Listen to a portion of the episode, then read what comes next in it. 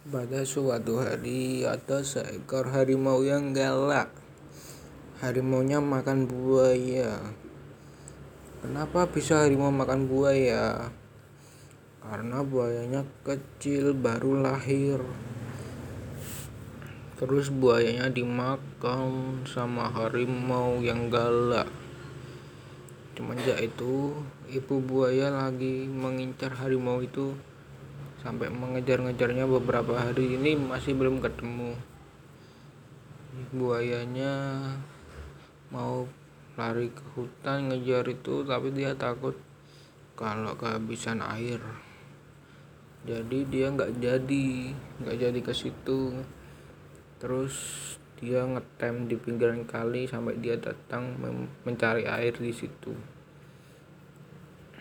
ternyata singaunya puas harimaunya itu.